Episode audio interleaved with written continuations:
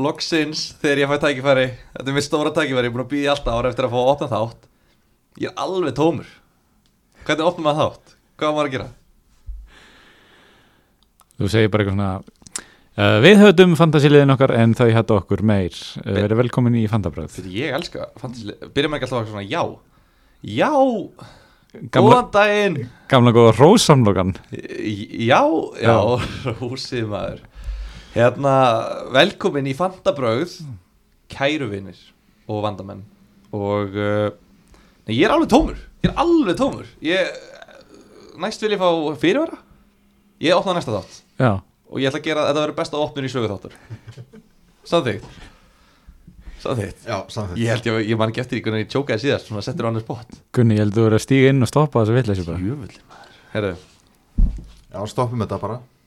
Stittar að það Úff maður, ég er sko, ég alveg nei Ég er búin að vera að grænda síðan í síðasta þetti Í viku núna, ég er búin að vera í viku að grænda. Ég, ég get ekki hugsað um annað en Netnámskeið og, og hérna Diffrun og vigra og eitthvað. Mentaskóladæmi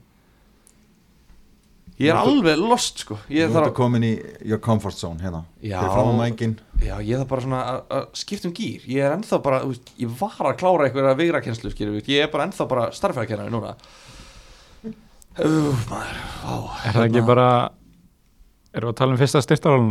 Já, er það ekki bara? Nemju það er nefnja og bara þú veist þið sjáuð hvað hlustendur hafa verið að bara gjörsamlega vanvirða síðustu skilabóð þeir eru greinilega að hlusta hjá mig eins og Þórólf að, að hérna, þegar ég tala þá er ekki hlusta ég bað um að vera ekki panta tíma. Það er bara ekki hlustað. Ákveður ekki að hlusta hættið að panta tíma. Gefið þið gilva frí. Í alveg ég, já þið sjáu þetta er eitthvað lélast að opnun á hlaðvarpi bara í sögunni. Þetta er ykkur að kenna hlustendur. Núna gefið þið mér gefið mér frí. Bara bara smá frí, ég vil bara smá frí það er eina sem ég vil. Svaf lítið í nótt líka, ég finna það að vera áhrif. Það er náttúrulega að prófa tíðin er stendur sem hæst núna.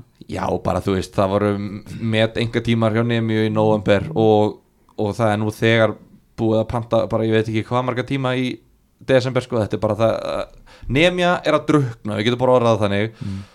og uh, já, bara það er ekkert að gera. Ég ætla bara að reyna að finna einhverja leið til að hérna, við þurfum bara stækka við okkur fyrir janúar því ég ætla að koma inn í janúar Ja. eftir þessu en þá ætla ég að mæta í janúar og ég ætla að ég að vera með einhverja geggjaða hérna, eitthvað, eitthvað geggjaða fantabræða tilbúð í janúar. Og þá verður eins gott við getum mætt eftirspurninni. Þú veist, nú ert þú viðskiptafræðingur, Aron Jú, jú, er eitthvað þreyttar en að geta ekki mætt eftirspurn?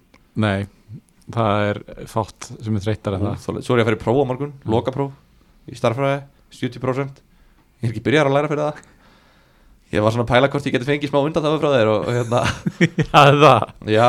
Þú ert búin að segja um það? Ég ég veit hver er að stýra. Þetta, þú ert brúðuleikar í Háskóla Íslands. Og ég vil bara ég væri til að fá, þú veist eitthvað svona, getur ekki fengið eitthvað svona smá getur ekki gleymt tölvunni inn í ólæstri eða eitthvað svona með prófin og Þú lítur ekki að kipta í einhverja spotta Aron, eða ekki? Já, einmitt, það er mjög auðvelt að gera það svona hjá ríkistofnun þegar þú stjórnar leikritinu Aron, þegar þú ert brúðuleikar Íslands þá getur þú gert það maður. Herru, ok. Er þetta ekki að ná að taka pásur og hérna taka smá tekkból eða? nei, Ekki? nei. Þannig að þú ert ekki búin að tapa ennþá væntanlega, þú ert ekki búin að spila? Nei, nei, ég er ekkert búin að tapa en, en hérna, það er sko, um leið og þetta, þú losa mig úr viðskiptafræðinni um leið og mig, setur mig í jólafrí þá hérna þá verður mót, Það er mót. Það verður mót Mm. og við munum finna einhverja flotta kandidata til þess að hérna, hvað segir maður, svona, svona steipa mér stóli. Já, en, hérna, en þanga til er þetta bara er ég ó, ó, sigraðar hjá techball techisland.is.com við vitum ekki ennþá hvað þetta heitir.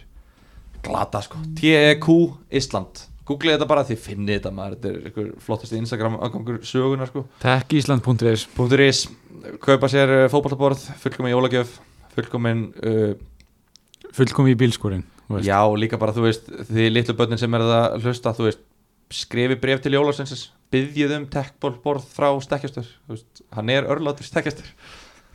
Ég veit það, Hann hefur verið þekktur sem öllátasti jólasveitni ég veit það hann Hver eldur væri besti jólasveitin í tekkból, ekki stekkjastur nei þú þarft lið, sko, minnst helsti styrklegi mm.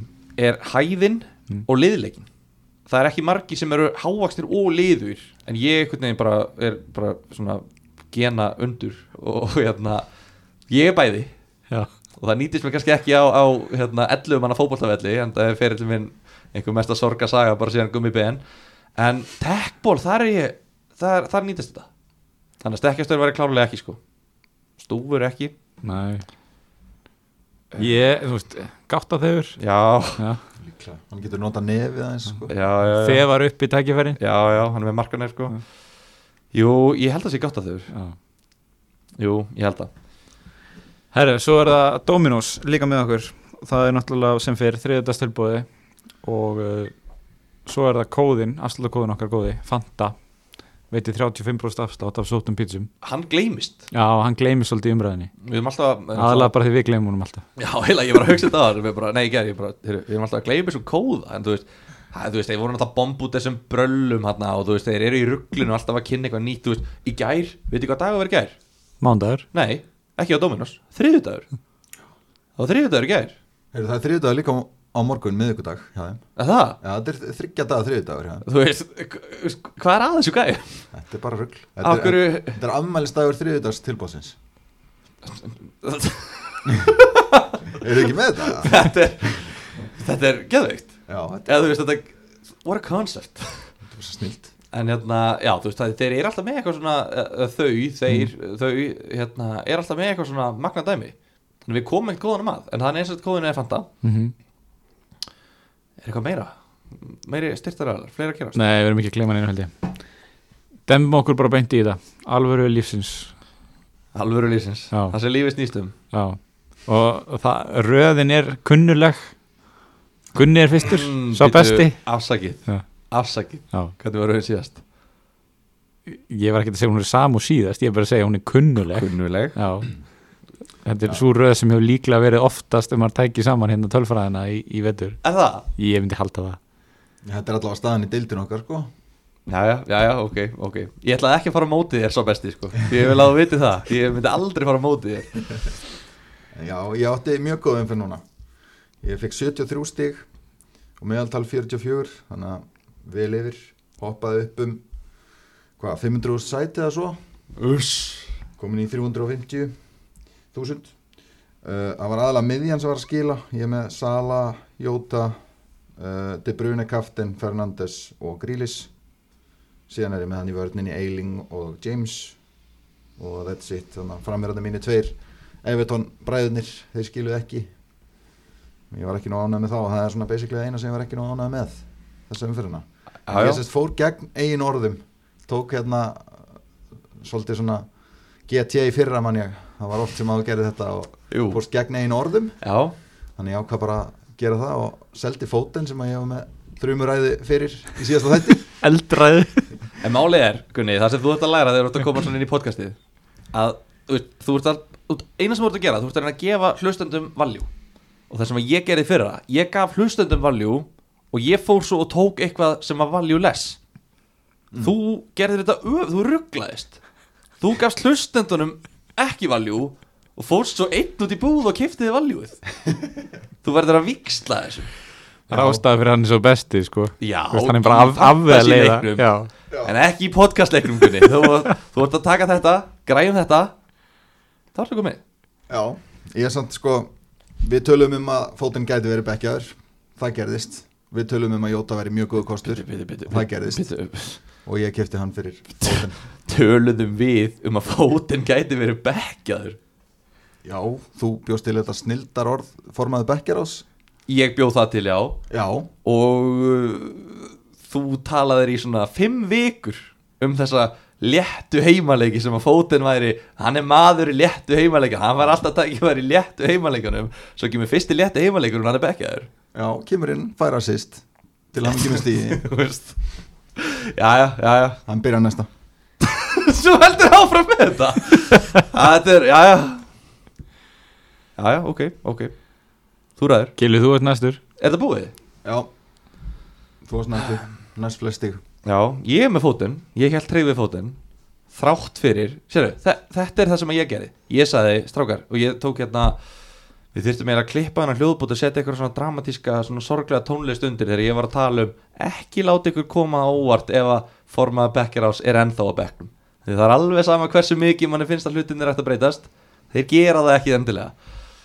Og uh, þeir gerðu það ekki. En ég held samt sko ég tók valjúles, ok, já, allavega. Uh, ég var með fótinn, hann kom inn á, jú, lagði upp. De Bruyne fyrirliði uh, bara, þú veist, það var ekkert þeir sem að treystu mér í því, ég magnaði að treysta því ekki en hann er komin upp í 20% eignarhald núna. Bruno Fernandes, Diogo Jota með stig, Zuma. Ég setti hann í byrjunarliðið og hann deliveraði. Uh, Andy Robertson.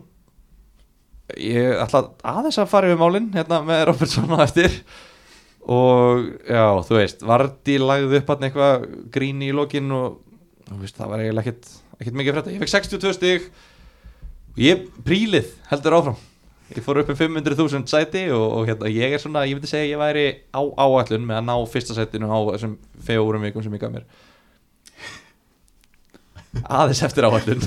Það þurfti að vera 700.000 en ég prílaði um 500.000 og, og bara, og prílið heldur áfram. Heyriði, þá er komið að liðinu mínu sem er bara, ég held ég geti kallað hann lið bara dánafrægnu og jarðaferðir samt, þetta er ekki þú veist þú, nei, Nei, en sko ég fekk 58 stig. Já, sem að er 14 stigum yfir average ef ég, ef mér, yfir. Já, já, ef mér reiknast rétt. Mhm. En ég er svona svolítið dottinn í, í suicide mode. Ég tók mínus 8 stig. Já, ok.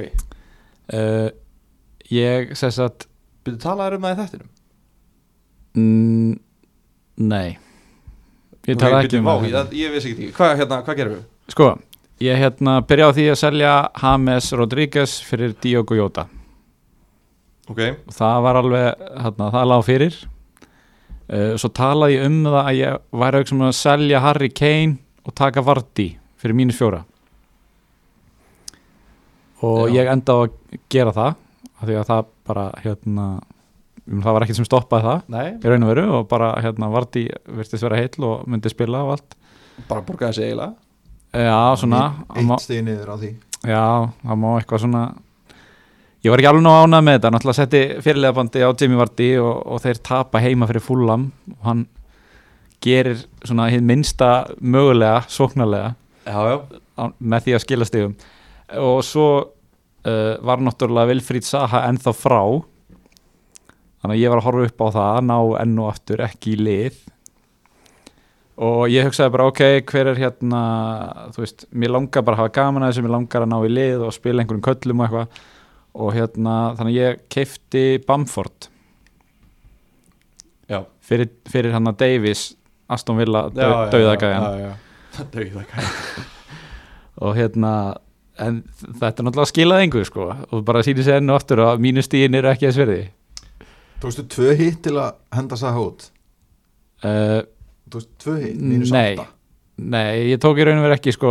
Ég átti pening til að bara breyta Davis í, í Bamford. Já, þannig að ég sett, ef ég ætla að selja Saha og gera eitthvað meira aðra breyting þá hef ég verið að tala um mínus 12 sko. Já, ok. Þannig að ég á ákvæðanum kannski aðeins að ekki fara alveg svo langt þó að mínus 8 sé nú alveg nógu heimskulegt út af fyrir sig þannig ég er ennþá með Saha í liðinu. Blessunulega og hérna, en já, 58 stig en þetta vart í sko, mér líður eins og þetta hafi verið kaftin blank já, sko voðalega voru menn að fara fram á sér með þetta. Já, Við erum að sjá bara á Facebook öfnum okkar Fantasy Brother ever, tjekkja því nálgast 1500 manns. Nei, komið. Já, Ég tók sessjoni, ég tók skorpu í gær og ég bauð einhverjum hérna, fantasy vinum mínum á Facebook að djöna ok, komið í 1500 það er Það alveg mikið. Já, ég myndi segja það. Með þetta, ég held að væri svona sjö mann sem var að spila það af grimt og við sko. Þegar við byrjuðum fyrir löngu síðan. En hérna, nei, byrjuðu nú sónaði út. Ég er ekki on top of my game í dag. Vardi, kaftin Það, það voru allir að tala eitthvað um þetta. Bara, ó, ég, ég með þess að fyrirlega og meira segja, sko átrúnaða Guðmund, Guðmundur Felixson sem að hérna, ég ætla að, ég, ég ætla að reyna að tróða einhvern veginn Guðmundar Felixsonar hotni hérna inn í hérna þátt hann var eitthvað að tala um að hann var með fyrirlega Vardi og þú veist að allir með fyrirlega Vardi og trippulkaftin heyrði eitthvað starf bara, hæ? Ég kommentaði það nú hann í grúpuna mitt að ef ég væri með Vardí þá hefði ég verið með hann kaftin sko. Mér fannst hann besti kosturinn þessa umferð ég bara næði ekki Nei, síðan sá ég byrjunliði hjá Lester þá fór svona að renna á með tvær grímur bara, þú veist, Dennis Pratt og Mattisson hann fyrir aftan Vardí og svo ekkit þú veist, það var, það var bara ekkit spennandi lið. Þeir eru náttúrulega mikil meðsli og, og svona, en já. Já, ég skil ekki alveg að hverju Harvey Barnes byrjaði ekki. Nei, en hann er svo sem hefur ekkit verið að brillera. Nei, á þessu tikka samt betur sóknarlega þegar hann er inn á sko. Já, ég vil eitt sko. En það skoraði hann og þú veist allt annað þegar hann er inn á vellinum en bara, ég veit ekki, er- eru ekki bara, ekki bara klára hann í lestaleg fyrst við erum að tala um Vardí og Jú, jú, svona, jú. þú veist, er bara hérna núna bara, þú veist haldur og glættir að ég sé að vera klikkaður. En núna enn og aftur kem ég í, í podcast og segi, veist hvað lestir er ekki svona góður þeir eru ekki svona góðir. Og mér er alveg sama hvað tölfræð segir. Ég er bara búin að horfa á það mikið á lestarleikjum á þessu tímabili. Þetta er bara ekki nógu gott lið. Því miður og þeir eru bara framistæðan þeirra, sóknarleikur þeirra bara þú veist, þetta er bara enda laust vonbriði allt sem ég sé hjá þeim, ég bara man ekki eftir að hafa séð þá hérna, spila vel og ég náttúrulega mista þessu fræga sittileik en fyrir auðvitað það, ég bara, þú veist, þeir eru bara þetta er bara svo ógislega kallt og dögt og hægt og skrítið og Vardí var þetta búin að eiga eina snertingu inn í vítategnum, þú veist, í uppbúttatíma eða eitthvað. Og bara, þú veist, að ég veit ekki, ég skil ekki þetta Vardí hæp, þú veist, ég er með henni liðinu mínu, þú veist, fínt, ok, jú, hann getur sleisast til að fá þessi víti og eitthvað svona varnarlega hafa þeir verið fínir þannig að ég er líka með Justin en að ég veit það ekki, ég, að, að segja að Vardí hafi verið besta kaftin pikkið ég botna ekki því, ég verða að viðkynna það. Nei, um, ég held samt sko ég er alveg sammálaðir, þeir voru lélegir í þessum leik en núna eru að fá tilbaka Ricardo Pereira og Kastanje vangbakkurina sína. Ég held að fari mögulega eitthvað að ganga betur núna Þeirna, þeir eru búin að vera náttúrulega án þeirra í svolítið tíma og það hefur ekki alveg gengið nógu vel á meðan. Og svo er náttúrulega NDT frá ég held að sé reynda lengra í hann. Ja, Kastanja var þetta mjög góður að það í byrjun, hann, hann var skemmtilega leikmaður. Hann var ekki að spila á kantinum eða ekki, það var hann í bakgrunum? Hann var í bakverðinum. hann var mjög, so, já, svona, hann var mjög sóknarsinnaður allavega. Já, og eh, Justin Owners e, Justin eigendur þurfa að passa sig núna því að Ricardo Pereira er að koma tilbaka. Já, ég bara, þú veist, það er eitthvað við Justin, mér langar bara að selja hann, þú veist, þetta er bara svona þetta er svona gæi, jú, hann er búin að gefa mig stig, hann er að delivera fínt, sérstaklega með að hann kostaði 4,5 í byrjun, en tjúfull er leiðilegt að hafa hann í liðin mér, ég er bara, ég nenni ekki að hafa hann. En já, þetta er hérna bara vonbreiði og þú veist ég veit ekki hvað er þetta að segja um þetta þetta, þetta komið bara nákvæmlega ekkert óvart ég verði að vikina, ég vona að ég hef ekki verið í síðasta þætti að tala um að Lester myndi vinna þetta 5-0 og Vardí væri með þrennu sko, en, en Sko málið er að, þú veist, maður er oft hrættu við að spila varti einmitt á móti hérna, liðin sem liggja mikið tilbaka með alla vörnina tilbaka. Fúlham hefur ekkert verið að spila þannig. Þeir hafa verið að koma, reyna að spila boltanum fara eins upp völlin, þó þeir sé ekkert góðir. Um, þannig mér fannst Varti vera mjög góða kostur. Hann er með mjög góða tölfræði sem er ekki alltaf hjá Varti eins og við þekkjum og þess vegna fannst mér hann vera besti kostunum En, byrju, en Va- Vardí er samt leikmaður, hann skorar á mjög öllum liðum. Hann skorar á mjög stóru liðunum, hann skorar líka mjög Þú veist, við bara munum hérna tímabilið í fyrra eftir að hérna sáþóndaleikin, hvað skorar hann í 7-8 leikjum í röð? Þetta er bara, Vafbía heim hann skorar tvö mörg, veist, hann, hann skorar á móti litlu liðunum líka.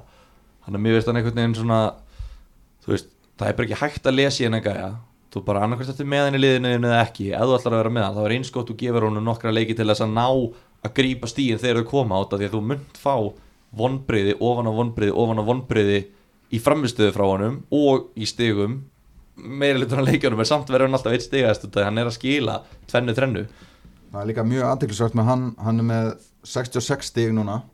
53 af þeim hafa komið út í velli það er bara heimskulegt. Það er rosalega háprósenta sko. hann var ekki svona í fyrra, hann var að skora á heimaðalli fyrra. Já, uh, King Power gaf hann mjög vel í fyrra. Já, þetta er svo steiktu leikmar það er, ekki, það er ekkit hægt að ræða hann bara þú veist, bara, þú, veist þú ert annarkvæmt bara með honum eða ekki í liði.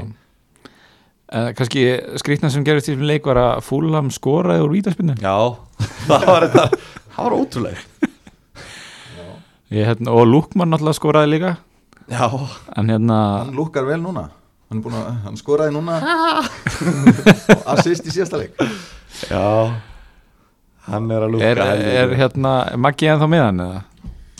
Maggi, nei, hans heldan, hann. Er búinn að nota vældkart hann gafst upp á þessu. Já. en hérna Ívan Cavallero það var gaman að sjá, hann tók sama víti og í, í síðasta leik svo sett hann upp í hægra megin. En nema hann bara rann ekki núna. Já, hann sleppti því. Skora- ekki fótinn á sér Já, Já, ótrúlega þetta er að Lúkmann fekk ekki að taka þetta. Hann var búinn að segja að hann myndi skora á næsta vítimunni. Já. skrítið. Eftir að hann klúraði síðast Ég, sko, ég skóru næsta strákar. Erum við ekki búin að tala nógu um þennan leika? Jú, jú. Já, held ég. Hinn leikurinn í gær var Vestham og Aston Villa. Já. Þá, þá kemur krútlega brósið hans Arons. Mjög gaman að sjá þetta. Herru uh, Aston Villa er búin að tapa fjórum að síðustu fimm.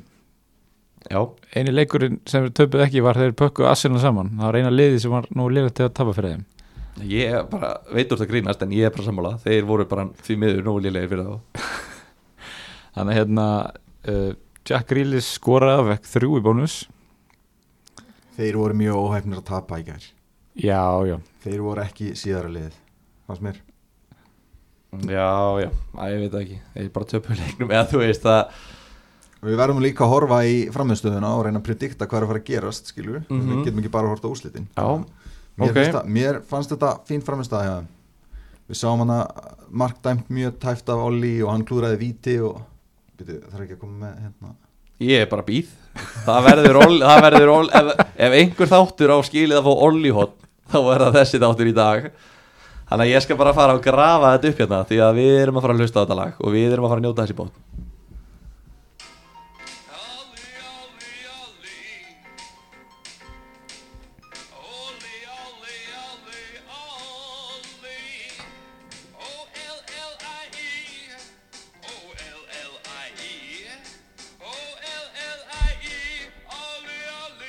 Já, já. Já Þetta er að verða svona Ég fæ svona heimilistilfinningu þegar ég hlusta á þetta. Mér líður smá eins og ég sé bara komin heim. Já, þetta er skemmtilegt lag Þetta er mjög skemmtilegt. Hvað er ég að byrja? Vítaklúður eða rángstöðumark? Byrjum að víta klúrinu Fannst ykkur þetta að vera víti til að byrja með það? Nei, Var ekki, var ekki Tresi G sem fór hann niður í tegnum eitthvað? Já, það mjög soft. Já, bara ekki alveg hvernig þetta var nákvæmlega sko. mm. já, En- já, hann mála En það skiptir svo mikið máli. Olli fer á punktinn og skýtur í slána Já, Gaman að segja frá því að ég þekki hann að dómara hendar Já, þú þekkir alla dómara? Þekki alla dómara? Já, þekktir einhvern annar um daginn líka. Já, ég þekki fleiri en einn. En ég, hérna ennsku úrvalstildinni Já, Vel gert. Er þetta er þetta sem er ef hann myndi sjá þig á förnum vegi, myndi hann heilsa þér? Fyrir bræði, já ok, Peter Banks. Ok. Við vorum hérna saman í svona einhverju dómaramissioni hérna 2017 Hálft ár. Við sem sagt Íslands dómarateimi og svo voru ennst úrvarsleita dómarateimi Allir orðin FIFA dómarar og FIFA aðstofdómarar Ég er bara hérna á Íslanda að grænda. Hættur, flaggi komið á hilluna. Legglífarnar og, og, og hérna marka markaðar nefið komið á, á í staðinn. Ég held nú samt að þú gæti dæmt tölvast betur en margir af þessum dómurum sem eru núna eða allavega þeir sem eru í varharbygginu Nei, sko málið er Já. að það er rétt hjá þér. En nei, sérðu, nú fyrir að hlæja. já. Og núna muna allir, já, nei, þú þarft ekki að reyna að þurrka þetta glotta af þetta málu vera þarna. Og þú veist, að að það, það halda allir að maður sé grínast Út af því að ef ég væri hérna Pepsi-dilda leikmaður, þú veist, auðvitað getur Pepsi-dilda leikmaður ekki spilað í ennsku úrvarsdeildinni og gert það jafnvel og, þú veist, Lúkmann til dæmis eða eitthvað bara svona með En það, þú veist, það er bara þannig, ég, ég væri betri vardómari heldur en þeir, út af því að þú veist ég, ég hef oft sagt að mér finnst fótbolti og greind ekki fara saman. Veist, ég, ég veit ekki marga í fótbolta sem eru greindir einstaklingar. Skiljið hvað er að tala um? Já, já ert að meina að sé ekki beint samhengi á milli? Já, Já. mér finnst það ekki, mér finnst það bara svona því vittlusari sem þú ert. Og svona geðbilaðar veginn því meiri líkur áttu á að ná árangur sem fótboltamæður bara ég veist Samt þessir allra bestu, þeir eru nú alveg nokkuð skarpir sko. En hvað segir með Bíddu. leikmenn eins og þú veist Savi og Kaka og, og svona gæja sem eru bara svona, með svona yfirbyrða fótbolta greind veist? Já, já, fótboltagreind er allt annað skýrum bara svona, þú veist, þetta eru samt bara svona, þú veist, gæjar sem eru hérna, þú veist, við vorum að lesa um hérna kaupstaðaliktin á grílis um daginn og við erum að lesa hérna um allt þetta gæja, skýrum, er Balotelli flugöldar í, á Baðherbygginu Já, þú veist, Ryan Giggs er að halda fram með bróðu sínum þú veist, eitthvað svona dæmi, veist, þetta er bara það er allir í rugglinu þarna þetta er bara eitthvað bull, þú veist, það er bara,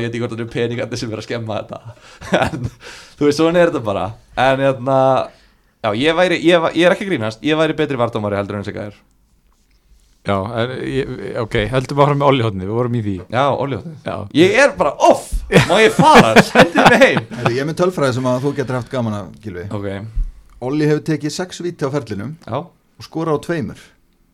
Af hverju er hann vítaskitt hann, hann er mjög hann er mjög mikil hættu að missa víti núna og ég er að vona að Grílis fái þau. Þannig að fyrir þetta tímambil var hann búin að taka fjögur víti og skora eitt. Já, þegar hann er að sannfæra aðstofnilega þjálfaran sem heitir Smith, eða ekki? Dean Smith. Dean Smith, já, hann segi blessaður, heyrðu, ég skal alveg koma úr Championship-deildinni í Aston Villa Premier League lið en það er eins gott ég að fá að taka vítin. Ég, ég er ekki alveg pótt að hann hefur sagt þetta þegar hann kom, þetta hlýtur að vera eitthvað skilri þetta hlýtur að verið eitthvað samningsatrið sko. þetta hlýtur að vera, því það, ég er að hugsa það er, það er engi, ekkert annað sem meika sens veist, hendurnar á þjálfaranum hafa verið bundnar þegar hann ákvaða þetta. Og bara, heyrðu, ég vil fá að taka víti. Og bara, já, heyrðu, hvað, hvað er eitthvað? Eitt af fjórum? Ég hef skorað á víti, sko. Þú veist, Grílis hlýtur að vera að koma með víti núna. Trú ekki öru og þá er hann bara orðin ennþá mikilvægur pikk mm uh, Já, og svo er dæmt marka af olí hann í lokin sem hann klárar ágætlega. Fast ykkur hann hefði átt að fara nýður veist, var brotið á honum. Já, hann hjekk í honum hann hann hefði farið niður alltaf víti sko. en ég meina hann skoraði. Já, þannig að það er erfitt að segja að hann hefði átt að fara niður Já en hann hann skoraði. hafði bara hvað sem eru dæmt rángstæða ég menn það hefði ekkert verið dæmt víti þannig að Jú, jú, það má leta með víti þarna Víti kemur á undan rangstöðinni þannig að það má leta með víti á þetta. En þú veist, þú veist það ekki, ekkert frekar en var dómarinn vissi það, en þú veist, þeir bara þið getið bara frækt ykkur betur úr knarspinulögin Já, já. Ég geti ekki ykkur í enga tíma, þú veist, ég kann þetta greinilega betur en þið tveir, þannig að knaspindulögin dómgæsla, þetta er enda 503 sko, þetta er ekki 103 en, en, en, en þú veist samskilur, þetta er bara mentaskóla dómgæsla og þú átt bara að kunna þetta þú ert að fá eina, tvær miljónar á mánuði. Var ég til í eina miljónar á mánuði fyrir að kunna knarspinnulegin þetta er eina sem þú ert að gera í vinnunniðinni kunna reglurnar. Og þú veist, frá laugadegi til laugadags þessi dómarar, þeir, þú veist, eina sem þú hefur að gera er bara að fletta í reglunum og læra þetta, þetta er ekki. 80 blasna það Herru, spýtum aðeins í Já, hérna. sorry, þetta er, þetta, ég tek þetta þáttur á mig Þetta er bara, þetta er bara ég, er, ég er bara á rítalínu Herru, Chelsea og Tottenham gerir 0-0 steindautt, Mourinho jafntefli uh, Chelsea vörninn er að gefa allavega mér, Já, hvað er Mendy komið? Fimm reynlög í sex leikjum? er það ekki? Ég held það og Lampard hefur verið að gera þetta svolítið í þessu stóru leikjum sáum þetta líka móti United um daginn. Að það er ekki mikið að færum í þessum Nei, leikjum sem spila við stóru liðin sko. Læsum þeim, vinnum leiklu liðin Ekki tapa mútið stóru liðanum þannig vera við topp fjórum. Og sama með Móra að það er bara að pakka í vörð þannig að veist, það hefði kannski verið auðvöld að sjá fyrir svona, getur maður sagt eftir á sko? Já, þetta færi 0-0 Eftir á hekja var þetta eitthvað augljósasta 0-0 Eftirbli sem ég sé það á henni. Og ég, ég fegin, ég sá það líka fyrirfram af Því ég setti suma inn eftir allt saman En hérna, hverju fengur bónustíðin? Hvernig var það? Var það Chilwell og James sem fengur báðir? eða? Chilwell- Loris fekk tvö. 3 Já, Chilwell 2 tvö. og James 1 Já Og þú veist, þú ert búin að vera með double up Chelsea, er það ekki? Jú, Þú líka? Nei, ég er bara með James Bara með James, ok, talaði samt um hvað Chilwell væri nöðsynlegur í liðið Já, hann er það, ég er bara verða koman minn Já, já, já, bara ekkert um að setna Já, bara setna Já, ok, ok hérna, Ég vil, ég vil fá nöðsynlega mennina núna sko, það er það sem er nöðsynlegir En, já, þú veist, við langar bara í annan Chelsea vartumann Þetta er ekki, ég- sé þetta ekki eitthvað að fara að feita burt. Við sjáum prógramið þeirra. Leeds, það er alveg hægt að halda hreina á móti Leeds. Uh, Everton, það er alveg hægt að halda hreina á móti Everton. Wolves, núna úr, úr, í ljósi höfukupubrótsins það er alveg hægt að halda hreina á móti Wolves. West Ham, Arsenal, Aston Villa. Þetta getur bara verið sex hrein lög fram að áramótum sko.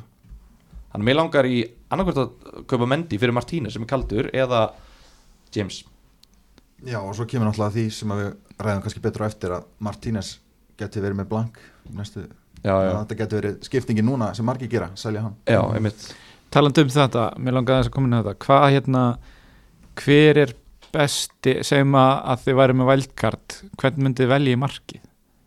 Mendy held ég Já, hann er klálega valjú sko hann. Hvað er hann komin? Er hann komin upp í 5,1 eða 2? Hann er að fara að hækka í kvöld Hann var alltaf sýnist 5,0 mér. þegar, þegar hann kom sko. Uh, hann er í 5,1 núna og er að fara að hækka upp í 5,2 Já. samt er ekki bara ennþá fínt, fínt valkostur ég meina, Jú, jú, ég var bara alveg til að hafa hann sko. Spurning reynda hvort það sé ekki meira value í James reyndar á 5.2 og það þeir kosta það sama. Já, Ég myndi örgulega, jú, ég myndi reyna að taka James frekar og finna eitthvað 4,5 miljón krónar markmann í staðin fyrir að vera með Mendy á 5.2 og 4,5 miljón krónar vardamann já, já Ég held ég myndi örgulega taka, þú veist, kannski, ekki, hvað kostar þetta með slíðar í Leeds? 4,5?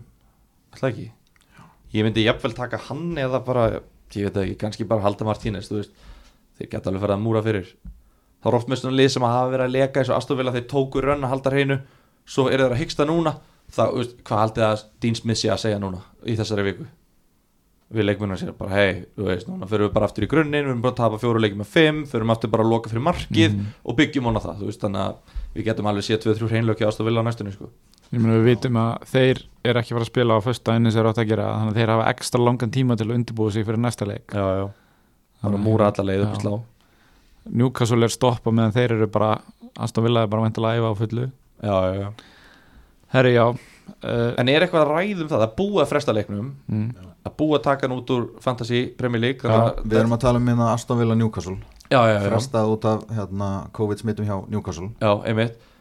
Hon, honum gæti verið frestað til, Hann gæti samt ennþá verið í þessari umferð. Já, ef hann, Já. ef hann er með frestað bara um fjóra-fimm daga og spilaður á miðjögudegi Já, þá gæti þetta verið hluti af þessar umferð. Þannig að þú veist, ekki fara að panika og selja strax Aston Villa, ekki selja grílis býðið eftir að sjá hvenær leikurinn kemur. Mhm. kannski verið double gaming hjá Aston Villa í næstu veist, þetta, er svona, þú veist það er ekkert eitthvað endilega einhver, einhver heimsendir. Þetta er einmitt bara undirstekar enn og aftur hvað, hérna, hvað maður þarf að býða með transferinn. Já, allir að býða með transferinn fram á fösta núna og einmitt að vera með back líka. Vera, Já, með, vera með tvo allavega á backnum, finnst mér sem spila. Það er svolítið þannig sko. Uh, Herru Master United vinnur Sáðantón 3-2 þetta, þetta myndi mig á Master United í gamla dag voru 2-0 undir í hálfleik. Svo bara skoraði þrjú í setni og láta þetta líta bara nokkuð þægilega út. Það líta þægilega út. Þetta var allavega klár framför frá Vestbrómleiknum Já, Cavani kemur inn og bara breytir leiknum framfyrir í setni háleik þeir voru náttúrulega gjössanlega domineraðir í fyrirháleik af Southampton og bara, mm, ha, nei, mér að Southampton bara miklu betri. Greenwood fekk algjör stöðafæri, Bruno líka. Mér, já, ég er ekki alveg sammála þessu. Ok, mér finnst Mér það. þetta svona, já, ég, ég nær gunna. Mér finnst þetta 50-50 svona í ég er, bara, ég er að tala um bara svona spilið að veist, jú, ok, þú veist, markmaðurinn reyndi að gefa brú, þú veist, þetta var bara, bara já. ein feilsending en þegar var verið að dominera það á leiknum þú veist, Oriol Romeo mér finnst hann geðvikur í þessum leik og eitthvað svona þú veist, ég veit þetta er fantasy podcast en bara, þú veist, þeir bara heldu boltanum, þeir spiluðu út úr pressu, þeir voru, að, þú veist, bara manni voru að hlaupa bara endalust ég man ekki, ég veit ekki hvern, hvað possessionu var í fyrirháleik en þú veist, svona það var miklu meira að gerast hjá Southampton þeir voru að spila boltanum almennilega og bara mjög verðskuldu 2-0 yfir, fannst mér. Bæði mörkinu förstum leikadriðum Já, einmitt sem Hames Ward Prowse hana allt í öllu Já, bara, ég ætla rétt að vona að þið eru orð með Hames Vort Prás í liðinu þá hérna þá séu 90% af mörkunleginu úr fyrstu leikaturum því að því líka löppin sem þessi gæði með. Sá kann að sparka í boltan sko. Fær 11 stig, kostar 6,1 og Á- þetta er svona Á Brighton, Sheffield og Arsenal í þrem næstu? Þetta er the one that got away sko, hjá mér. Ég var með hann frá því start og svo er hann bara ó, þetta er erfitt. Þetta er svo skrítið að maður, maður held að þetta væri gaur sem væri bara gott að hafa því að hann var með vítin. Já, svo komst maður að hann væri ekki með vítin og þá bara seldu allir hann sko. Mm en svo bara heldur hann áfram að skila og skila. Herru. Cavani skora 2 og leggur upp 1 uh, Bruno náttúrulega með sitt venjulega mark og hefðbundið. Er, er Cavani orðin einhver pæling? já, já, þú veist, þetta er svona að to shortlist Já, move sem þú tekur á hann sko. Þegar hann fer að byrja leiki kannski tvo í röð þá, þá hérna fer maður að pæla honum meira. Just, þú sérð það bara, þú, veist, þú, þú getur séð bara þegar liðið er að verjast, þá sérðu bara hann er bara að hugsa um hvernig skora í næsta mark, Þú veist, hann er bara hann er bara að hugsa leikinn svona mínútu fram í tíman, bara ok boltinn er að fara þangað, ég verð mættur þarna eftir eina mínútu, hann er ógeðslega góður. Er, þetta er fótballtagrein sko, djúveit er hann góður soknum maður, allt öðru sér leikmaður en Martial sem við höfum hann sem er ískaldur. Þannig að ég, það er bara dauða færi fyrir Óla hendunum í liði núna sko. algjörlega bara, hann- bara hlýtur að gera það. Já. og hann er búin að spila 127 mínútur held ég á tímabilinu hjá mannjú búin að skora þrjú mörg og leggja beitt það, er bara helviti fínn áræstu fyrir rúmlega eitt leik. Þrenna á stóðsending algjörlega, það verður gaman að sjá hvernig liðir verður stilt upp á morgun í mestaradildinni múti PSG og líka ef að Gea ef hann er með illt í hnénu ennþá sko eða plásturinn er ekki farin af honum þá hérna gæti Henderson bara mögulega fengið að spila áfram og meina, hann held reyni í þessum leik og veist hann er, er geggjaður. Ég verður ógæslega til að sjá bara svona þú veist, æ bara svona hvernig þetta myndi synka þú veist að þetta snýst mikið um að synka við miðverðinu og eitthvað svona. Ég var alveg til að sjá hvort að manni vörnin gæti rifis í gang sko. Ég er alveg sammála því en ég er búin að sjá núna að DGA er í hópnum fyrir mestardeildaleikin já, ok. Þannig að þú veist Óli hefur haldið svo mikillir tryggð við DGA í Já. gegnum allt. Þannig að ég, ég efast um að Henderson fái deildaleiki sko. Nei, reyndar. En ég með eitt varandi Bruno. Mm. að síðan hann kom til United hann hefur spilað 11 útileiki í deildinni uh, hvað held að hann hafi blankað oft í þessum leikjum? Ég ætla bara að segja aldrei. Einu sinni. Núlsinnum hann hefur alltaf fengið returns í Í alvörunni? öllum útileikim síðan hann kom. Og meðal stigafjöldi eru 11 stig að meðaltali. Í 11 leikjum? Í 11 leikjum. Það er alveg margir leikir. Já. þannig að þú veist þessi gæi, hann er bara ruggl sko. Og einhvern veginn betra útivelli.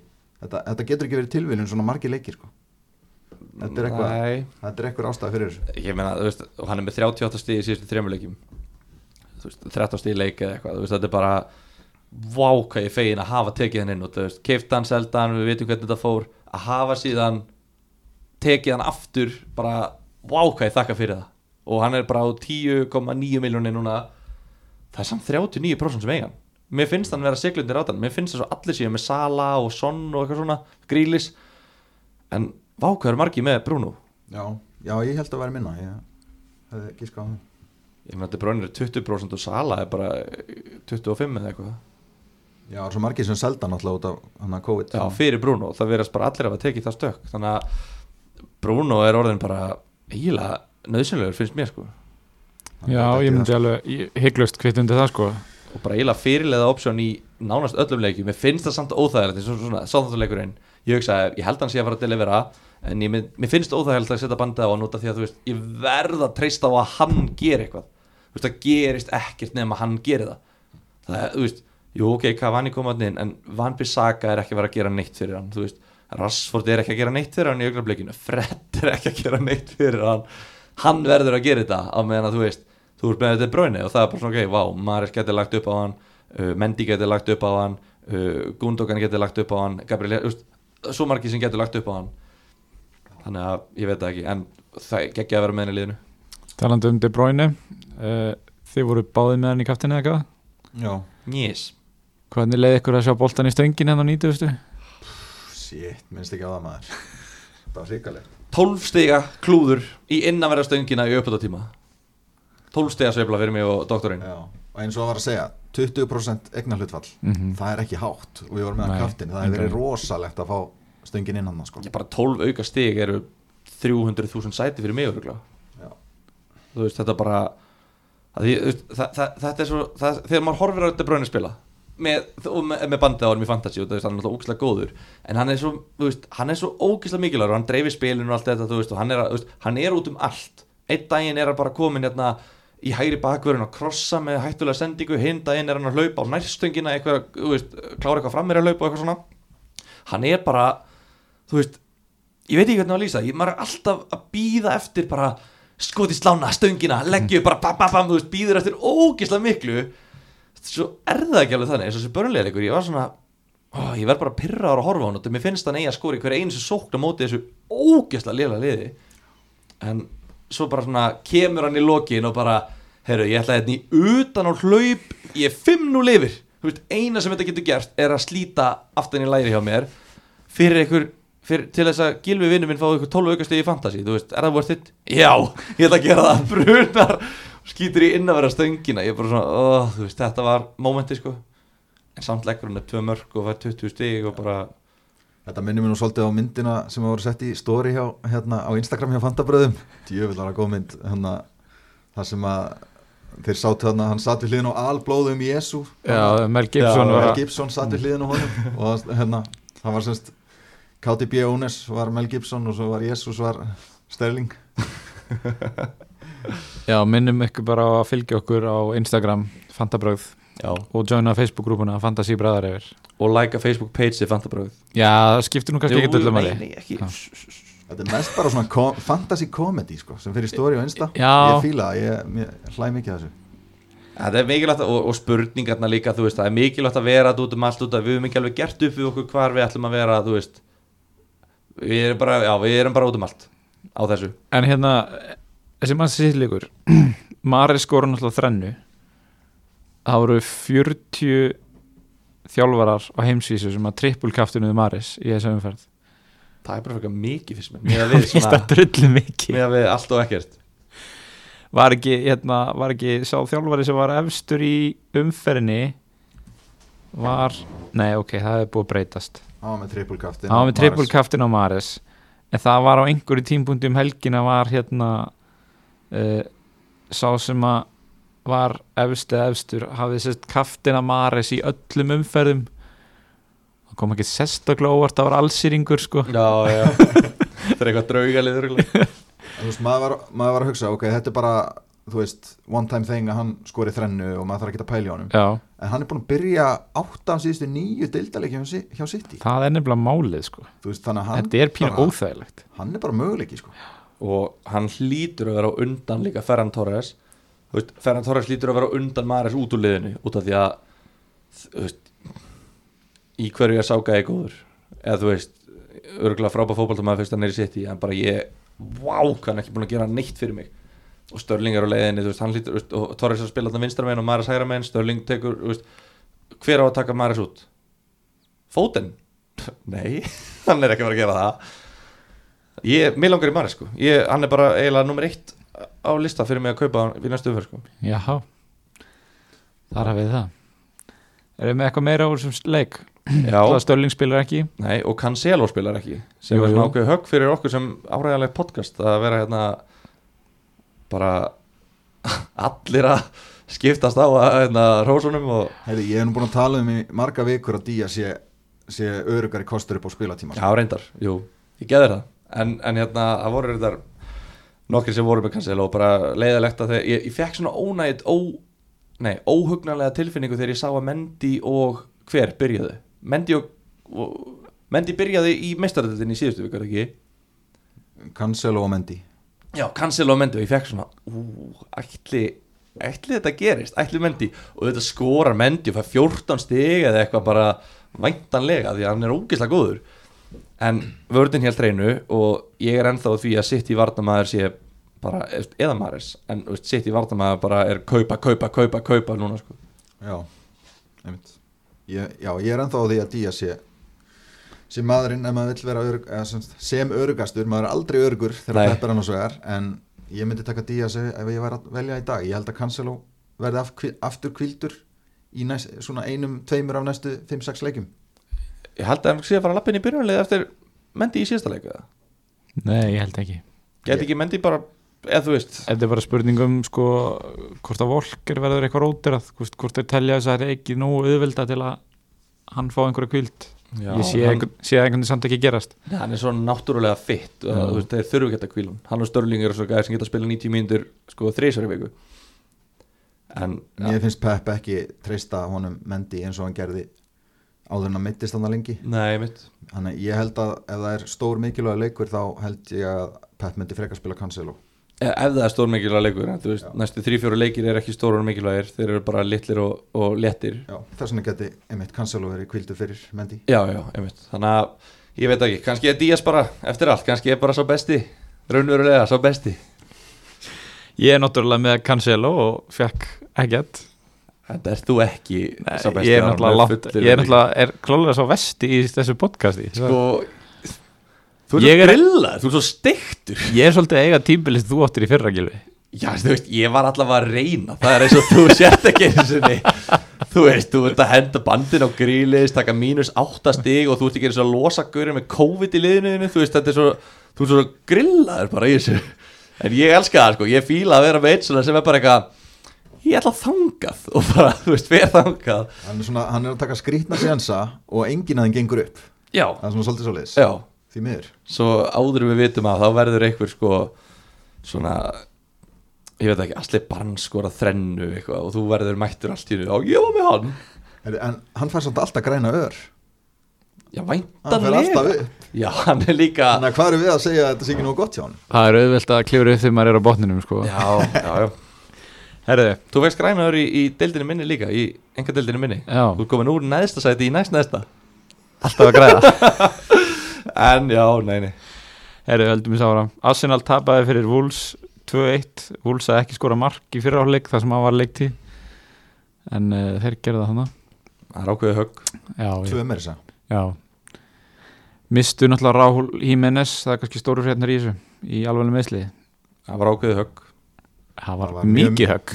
sko. Þetta var var lókislegt þetta var Þetta, þetta leit hrikalega út og þetta eru svipu meðsli og við sáum Ryan Mason leikmann Tottenham um árið.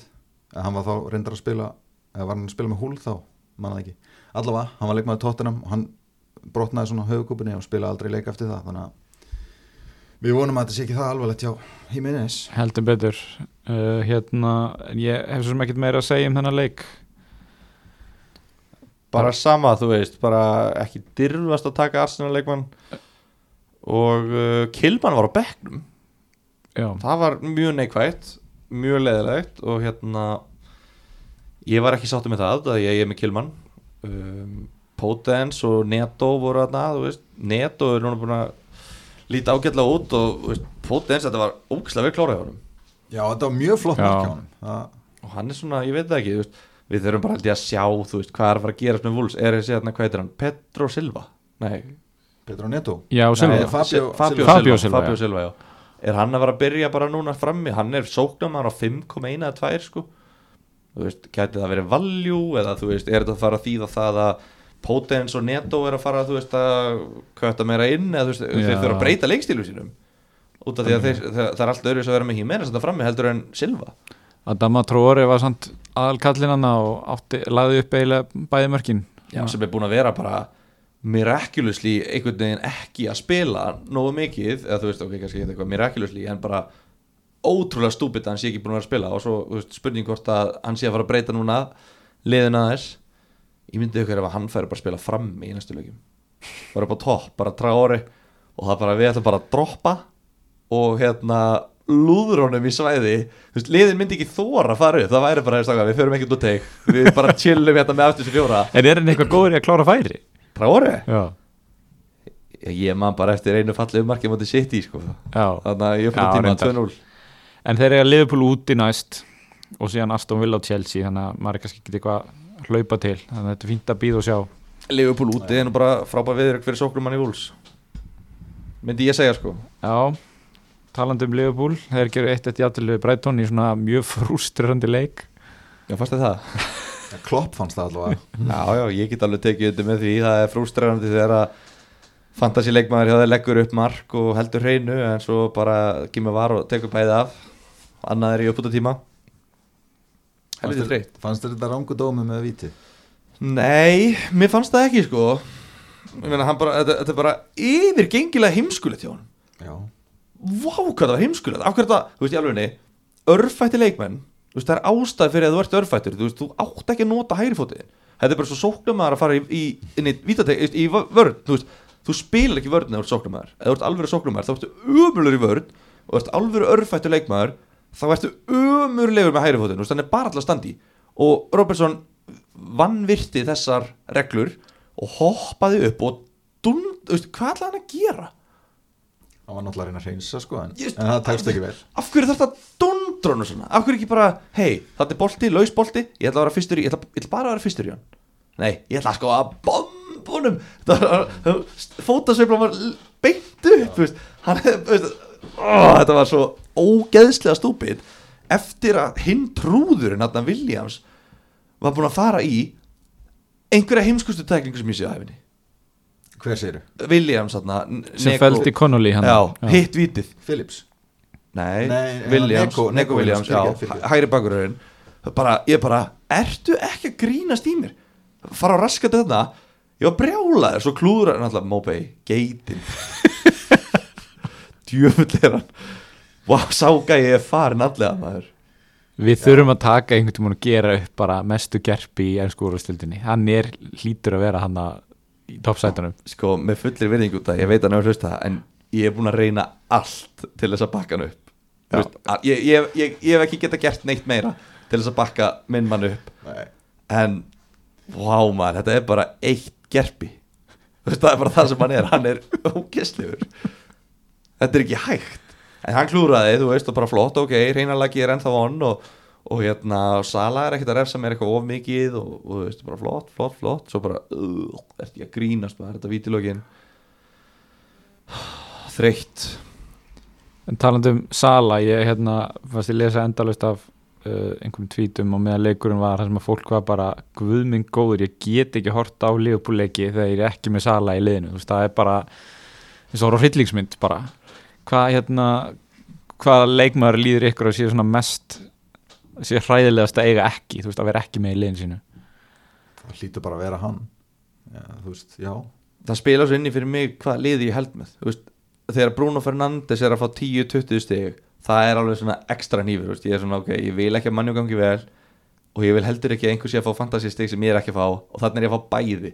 Ef að Sala, veist, ég er ekki með Sala núna þú veist, hann skoraði og ég er svona yes, þú veist, Leopold skoraði en ég mista stigum bara svona en ég er samtalið flott, skilur, bara gott flott mark.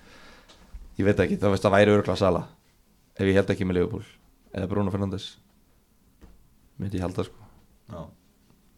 En hjá þér? Já, ég held að sé Bruno fyrir mig, þú veist, ég er bara Já, hræðilegt að horfa upp á þetta og vera ekki með liðinu. Er ekki svo, af því að þetta er svo mikið að vítum og þú veist, og þú veist að liðin er, að, að mannjú er að spila upp á að fá víti þú veist, Já, og líka bara, þú veist það skiptir einhvern veginn engu máli hvernig leikurinn er að spila það er bara, ef að hann kemst yfir miðju, þá er bara að fæna stig bara. já, einmitt. Og það er svona pyrrand og það er Sala, hann klúður veist, fyrir hvert mark sem hann skora, sérðu líka fjögur döðafæris klúður og þú ert svona, ok, yes, ég allavega ég slapp við pyrringin hér ég slapp við pyrringin hér einhvern veginn. Þannig að þú fagnar fjóru sinum en, en bölvar einu sinni með Sala Bruno Fernandes, þú ert bara bölvandi allan tíman þegar hann fær boltan það er frekar þreytt sko. En Brighton voru bara miklu betri heldur í Liverpool í þessum leik fannst mér, eða þú veist, þeir bara Liverpool með þetta bara ekki geta raskat og með að Sala líta bara veist, ekkert eitthvað vel út hann og Liverpool ekki líta vel út klára þetta færi sem vel hann- ógislega vel. Já. hann er lúmskur í að klára færi en sögum færi klára hann bara ógislega vel og stundum emma bara, veist, hvað er það að gera? En ég er ekkert eitthvað stressaður að kaupa Sala Nei, ertu, en þú veist að tala um að selja þú veist, ekki að tala um að selja en þú veist eitthvað að tala um Robertson. Þá væri svona ekki alveg viss með hann. Nei, ég meina þú veist, þeir leitu ógeðslega vel út á móti Lester, vörnin og þú veist, þetta var bara þú veist, jú, þeir fengi á sig tvö víti og babbarababab, en þú veist, þeir voru samt bara einni mínúti frá því að halda hreinu. Já, já, eða Wools og Fulham næst? Er það er nokkuð Ég- maður bara veit ekki hvað maður fær frá þeim þú veist, ég vil ekki vera með Robertson, mér langar að selja hann fyrir Rhys James eða, eða hérna, ég væri alveg til í Kyle Walker. Þannig að ég veit ekki alveg hvað ég ætla að gera sko, ég held bara að þetta sé ekki stærsta vandamál í liðinu mínu. Nei, Þeir eru náttúrulega fyrir enn einu áfallin í vörninni í þessum leik. Liverpool? Já, Milner tóknaði það ekki?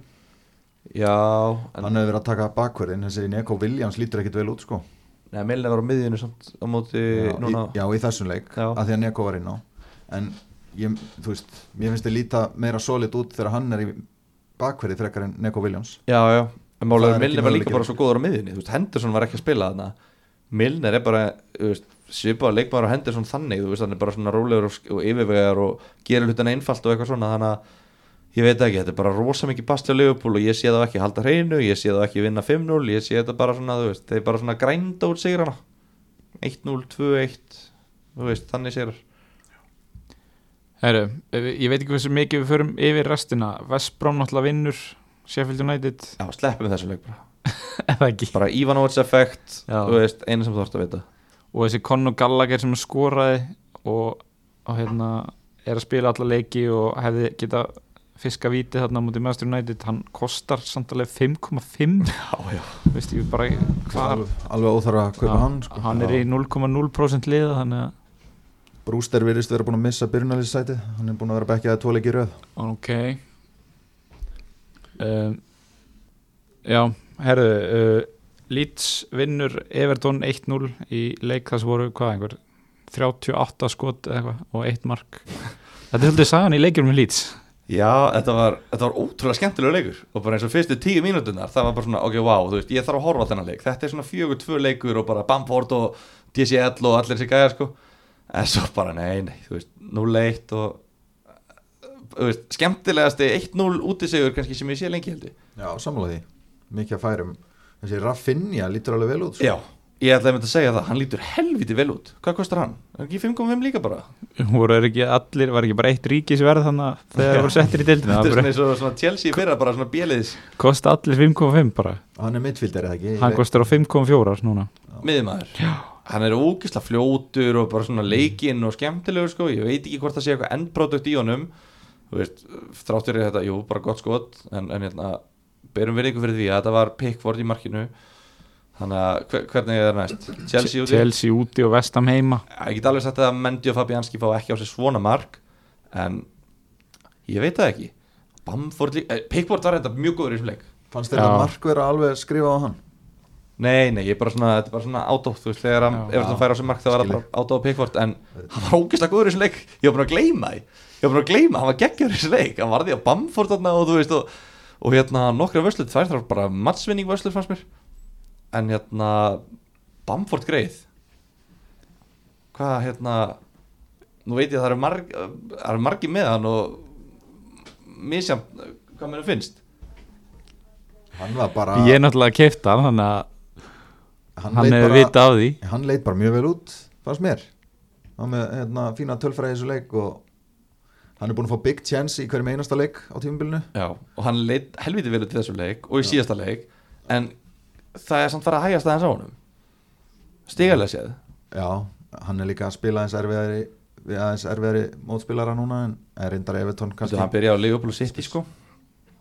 Já, þú veist, hann er samt ekkit vandamál. Hann getur ekki verið vandamál í einhverjum liðum með öll meðslinn og veikindin og allt sem verður að detta inn. Er hann komin í 6,1 já, ég er að fara að taka hann inn sko. Oh my god, hvað hann hækkar rætt Já, út af því að þú veist Við, við, við, vorum, við, töluðum aðeins um þetta þegar við vorum að byrja þú veist, hann var með flotta tölfræði í Championship-deldinni þú veist, fæ, fæ, hann var að fá færi en hann var ekki að slúta færunum brjálaðslega vel í Championship. Og þarna hann er búin að taka hvert einasta færi sem hann er búin að fá hinga til eiginlega. Og núna, ég, er- ég er svona velta fyrir mér er, er léttu púki í honum? Eða er þetta bara er þetta bara 7,5-8 miljón krónar sóknum að, er deliver, að spila bara á þessu verði sko. Já, það er alveg pæling sko en allavega plani mitt er að taka hann inn eftir næsta leik. Já, þeir eru að Chelsea úti mm og svo er bara veistla þannig að ég er eiginlega líka að því að það eru margir sem er að senda á okkur sérstaklega á Instagrami bara "Uh, þið sögðu mér að halda Bamford ég hann er ekki bara, hey, slökum á hérna þú veist að bara, þetta er eitt leikur svo er bara veistluleikir ég er eiginlega sammála, mér langar að kaupa Bamford eftir næsta leik. Prógramið hjá Evertón er að vestna sko. Þannig að það er möguleik að selja vinnin Dominic Calvert-Lewin. Já, núna viltu selja hann? Nei, ég ætla ekki að selja hann, ég er með Richarlison þannig að ég ætla að selja hann. Já, já, já, hann ætla þryggja vegna pönt þarna. Já, uh, Já, Dominic Calvert-Lewin. Dominic Calvert-Búin var nýja nafni hans. Mér fannst þetta geggjana og eftir þennan leik ég er svona, það styttist ég að ég fara að breyta nafninu ennþá meira. Dominic alveg búin hann er eiginlega að verða alveg búin fyrst mér. Ég var, að, ég var bara viðkjöna, hvað finnst ykkur um það? Er, við, er þetta samþykkt nafnabreiting bara opnaði bara munnin og hann kemur sokk bara í því næsta leik. Býtu, þú, nei, ekki, ekki taka veldu, veldu teik. Ætlar að selja hann eða ætlar að halda honum? Ég ætla að halda hann fyrir næsta leik. Ok, en samt ætlar að segja að hlustendur mega selja hann Ég er að segja að hann er á erfitt prógram eftir næsta mm -hmm. og þess vegna finnst mér möguleik að selja hann já ef maður hefur einhvern annan góðan til að kaupa til dæmis Bamford. Ekki tala eins og pólitíkur Ég er það, er möguleik að selja alla leikmenn. Það er líka möguleik að selja Bruno eða þú finnir einhvern annan góða leikmann. Ég tek ekki ákvarðanir fyrir fólk, ég er að segja að það er góður það er bara gott að gera það. Það er gott að selja hann eftir næsta leik. Já, fyrir Bamford, til dæmis.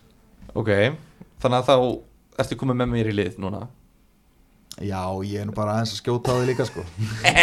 Ég er alveg til í að kvitt upp á Dominic alveg búinn sko. Dominic alveg búinn? já, ég, þú veist, ég myndi selja hann ef að ég væri ekki með bara átta önnur vandamál í mínu liði. Þannig að ég ætla að halda honum allavega fram yfir þessa komandi uppferð pæliði hvað þið eru samt vandakláttir, þið tveir út af því að núna er hann sko í, hann, hann er með átta returns í fyrstu nýju leikjunum. Og svo kemur eitt blank á móti Leeds og þið viljið fara að selja hann Þetta er annað blank í þessu tímabilinu og þið viljið fara að skila honum. Það er út af prógraminu. Þa. Það er alveg skýrt í mínum huga, það er bara út af prógraminu. Býtu, Þeir eru búin að keppa við Tottenham, Liverpool, Manju Þeir eru búin að fara norður til Newcastle á erfiðan útivöll. En Já, ég, já, við það er samt líka það, það er svo mikið að kostum í bóði skilur það er mikið að öðrum betri kostum. Ég er ekkert að segja að hann sé hættur að skora og muni bara að vera stein hættur núna já. en það er bara um aðri betri kostir finnst mér, Já, betri valjú betra valjú Herra, við ætlum í spurningar. Spurningar í bóði góð treyning Góð treyning Þannig að það er ennþá lukað í rektinni Þannig að þið getið heyrt í gumma til að fá prógram. Go home. Go home.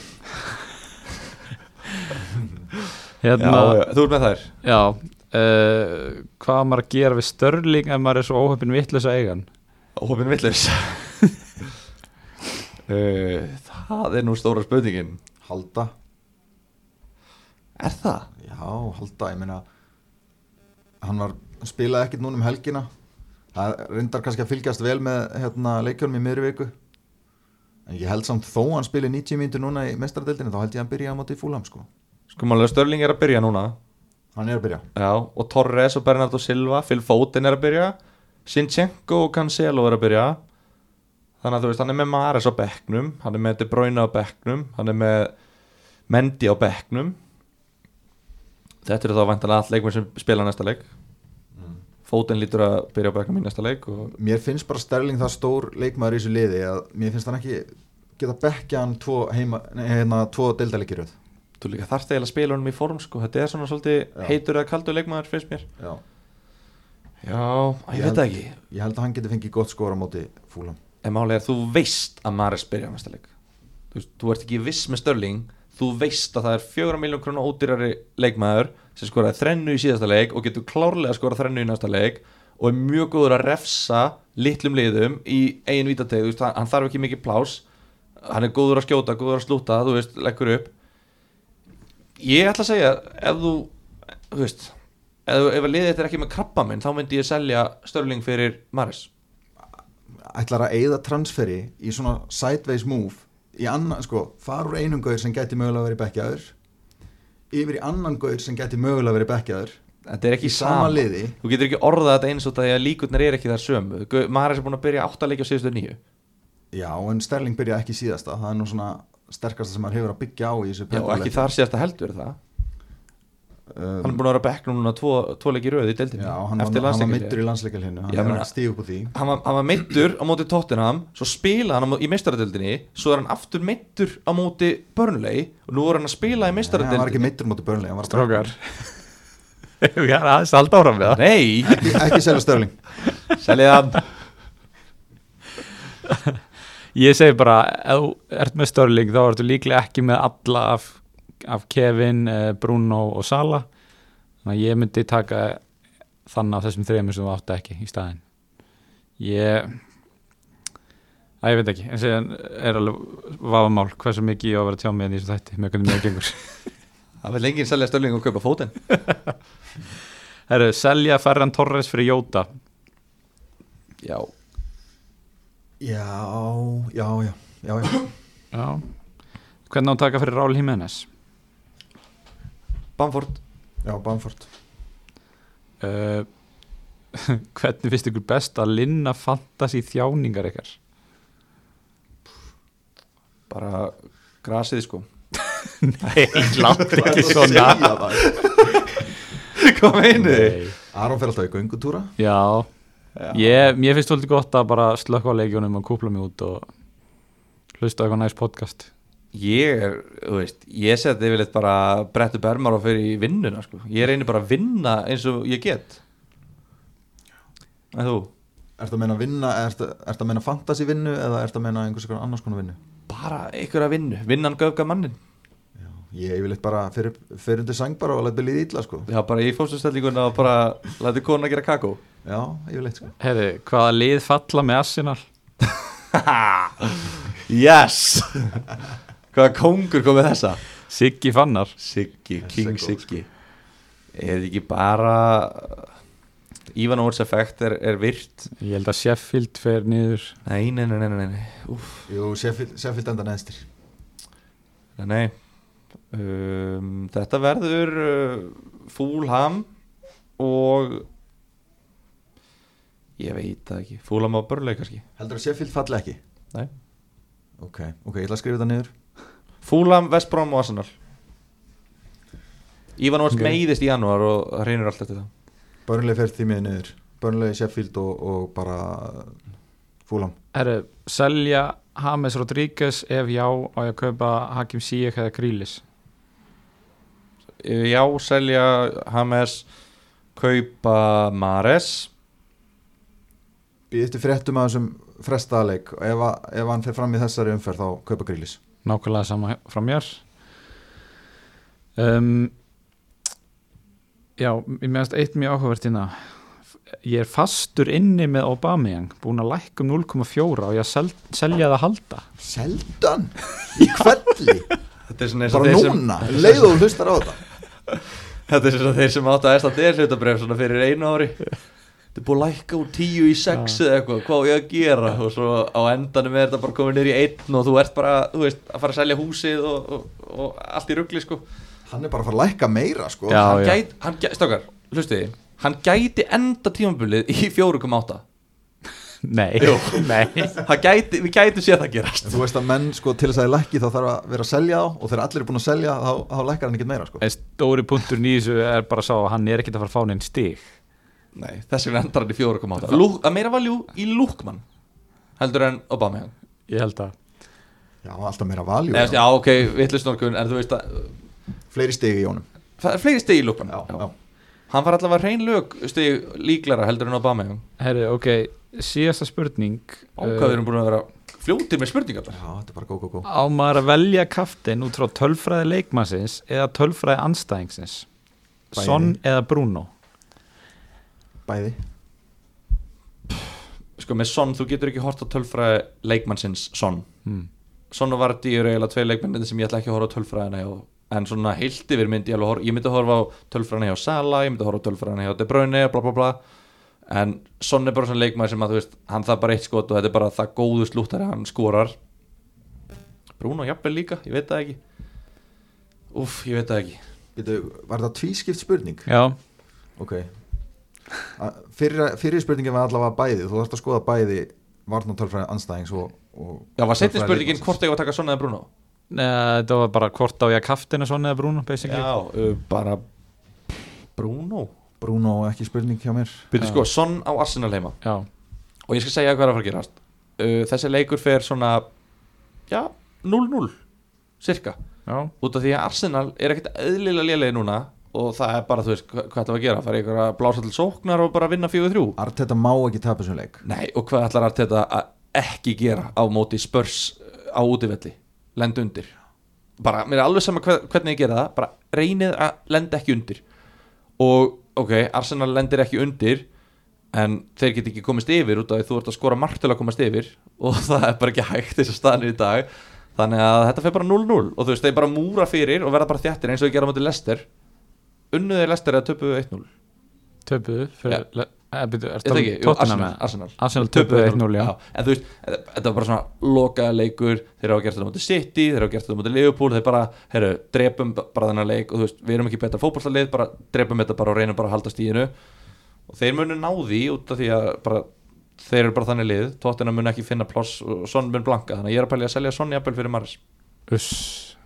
Já, ég, ég er alveg sammála þessari greiningu hjá að eina sem að mæli gegn því er kannski sagan á milli þessara liða að það eru alltaf mörki í þessum leikjum undanfæri tímabil og Kane hefur verið duglegur að skora á móti Arsenal. En ég er samt alveg sammála því sem þú segir að mér finnst 0-0 alveg líklega úslitt þarna. Hvað hefur Mourinho verið að þjála tóttina með mörgum af þessum leikjum? Í sögu tóttina með Arsenal? ekki mörgum. Ég held að það hafi áhrif sko, eða þú veist, alveg mikil áhrif. Já, Ok, förum kannski bara yfir í bara að lókum hérna, ætlaði að gera einhverja breytingar? Uh, já, ég held að það sé nokkuð ljóst að ég er að horfa á, á sætustu stelpun á ballinu og, og hérna og ég er ekkert að horfa á þetta lengra en það. Sem heitir Ríad Mares hún, hún heitir Ríðnari, svo hún Já. er frá Alsýr og, og hérna mér langar bara að setja bandið á hana. Þannig að þú ert með 11 sætastelpur á það hjá þér. Á, hérna, í liðinu mínu? Já, já, þetta er svolítið skrítið samlíking sko. Nei, þú veist, Calvert Lúin er ekki sætt sko, hann er svona þetta er svona gæla sem var alltaf sætt en nú er hún orðin svona frekar ómyndaleg það er svona þetta, ég veit ekki, mála svo mikið eða eitthvað Ég veit ekki, ég veit ekki hvert við erum að fara með þessa líkingu. Hérna. Ég veit ekki hvort þú ert að fara með þessi líkingu. Ég var veittur í eitthvað Þetta var, þetta var gild Ok, allar að setja fyrirlega bandið á Maras Ef þú kaupir Nei, hann? De Bruyne. De Bruyne með bandi núna. Ef ég kaupi Mares þá ah, Hvort það ég að gera? Maris eða De Bruyne, já. Er þetta ekki alltaf De Bruyne eða? Ég held að De Bruyne er bara nógu mikið, mikill aðgreinir veist, ef það eru bara 20% sem eiga hann er þá er, þá, veist, eina ástæð einu rökin fyrir að kaftina Mares frekar væri að þú ert að fá stig sem að fáir aðrir að fá. En þú ert deila hvað sem er að gera það með De Bruyne og hann er bara örugar með byrja, hann er líklegri til að gera eitthvað. En það er alltaf ekki einu rökin út af því að hinn rökin eru þau að maður er svegt tvöfald fleiri stig heldur en um De Bruyne í síðasta leik. Og geta alveg gert það aftur Vist, Ég vil bara kaftina leikmannin sem fær flest stig fyrir mig um helgina. Og hvorur er að byrja núna í mestardeldinu það? eh, Nei, báðir bekkjar Þannig að þú veist, þeir munum báðir byrja Vist, Ég veit bara ekki hvor menn fá fleiri stig. Vardí er að kemja búin til Sheffield á útivelli. Og Vardí er búin að fá flest stig á útivelli og þetta er kaldasta liðið Bruno Fernandes er að spila veist, það eru frábæri fréttir. Hann geta alveg verið pikk líka. Ég, það er fullt ég fer inn í þessu uppverð og ég, finnst ég í fáralega góðu shape mér finnst liðið mitt bara geggjað. Ég er með markmann sem er ekki að spila. Ég gæti selt markmannin minn og fengi þá garanteruð tvö gróðastig út úr þessu út úr skiptingunni, ég veit það ekki. Annarkvort markmaður eða mars. Ek- Ekki gleyma Sala líka, hann er að spila á Anfield Margir búin að selja hann. Já.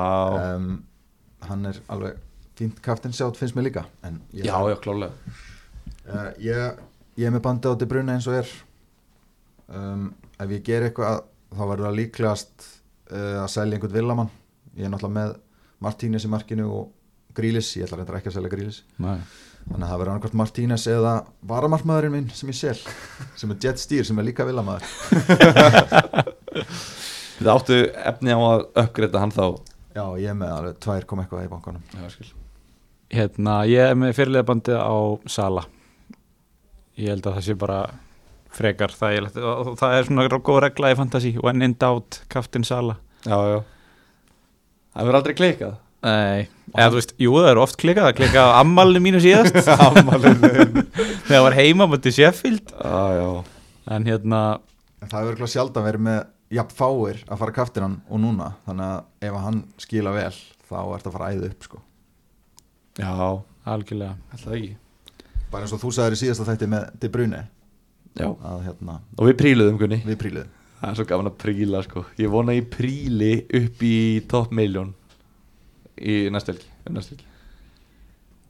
Herru, þá segjum við þetta bara gott í byli og heyrumst í næsta þætti. Verið bara vakandi í gagvart í hvenar Astovilla og Newcastle verður settur á. Og hérna munið að gera breytingar í tæka tíma. Nú er náttúrulega fyrst, eins og staðin núna þá er fyrsti leikur í hátteginu lögadaginn það mun ekki breytast. Það það er búið búið að fresta fyrstutagsleginu og það mun ekki breytast. Þannig að hvað leikur í hátum lögðaði? Burnley Everton. Já, já, það er flott. Sjáum hvort að Dominic Calvert Lúin sé alveg búinn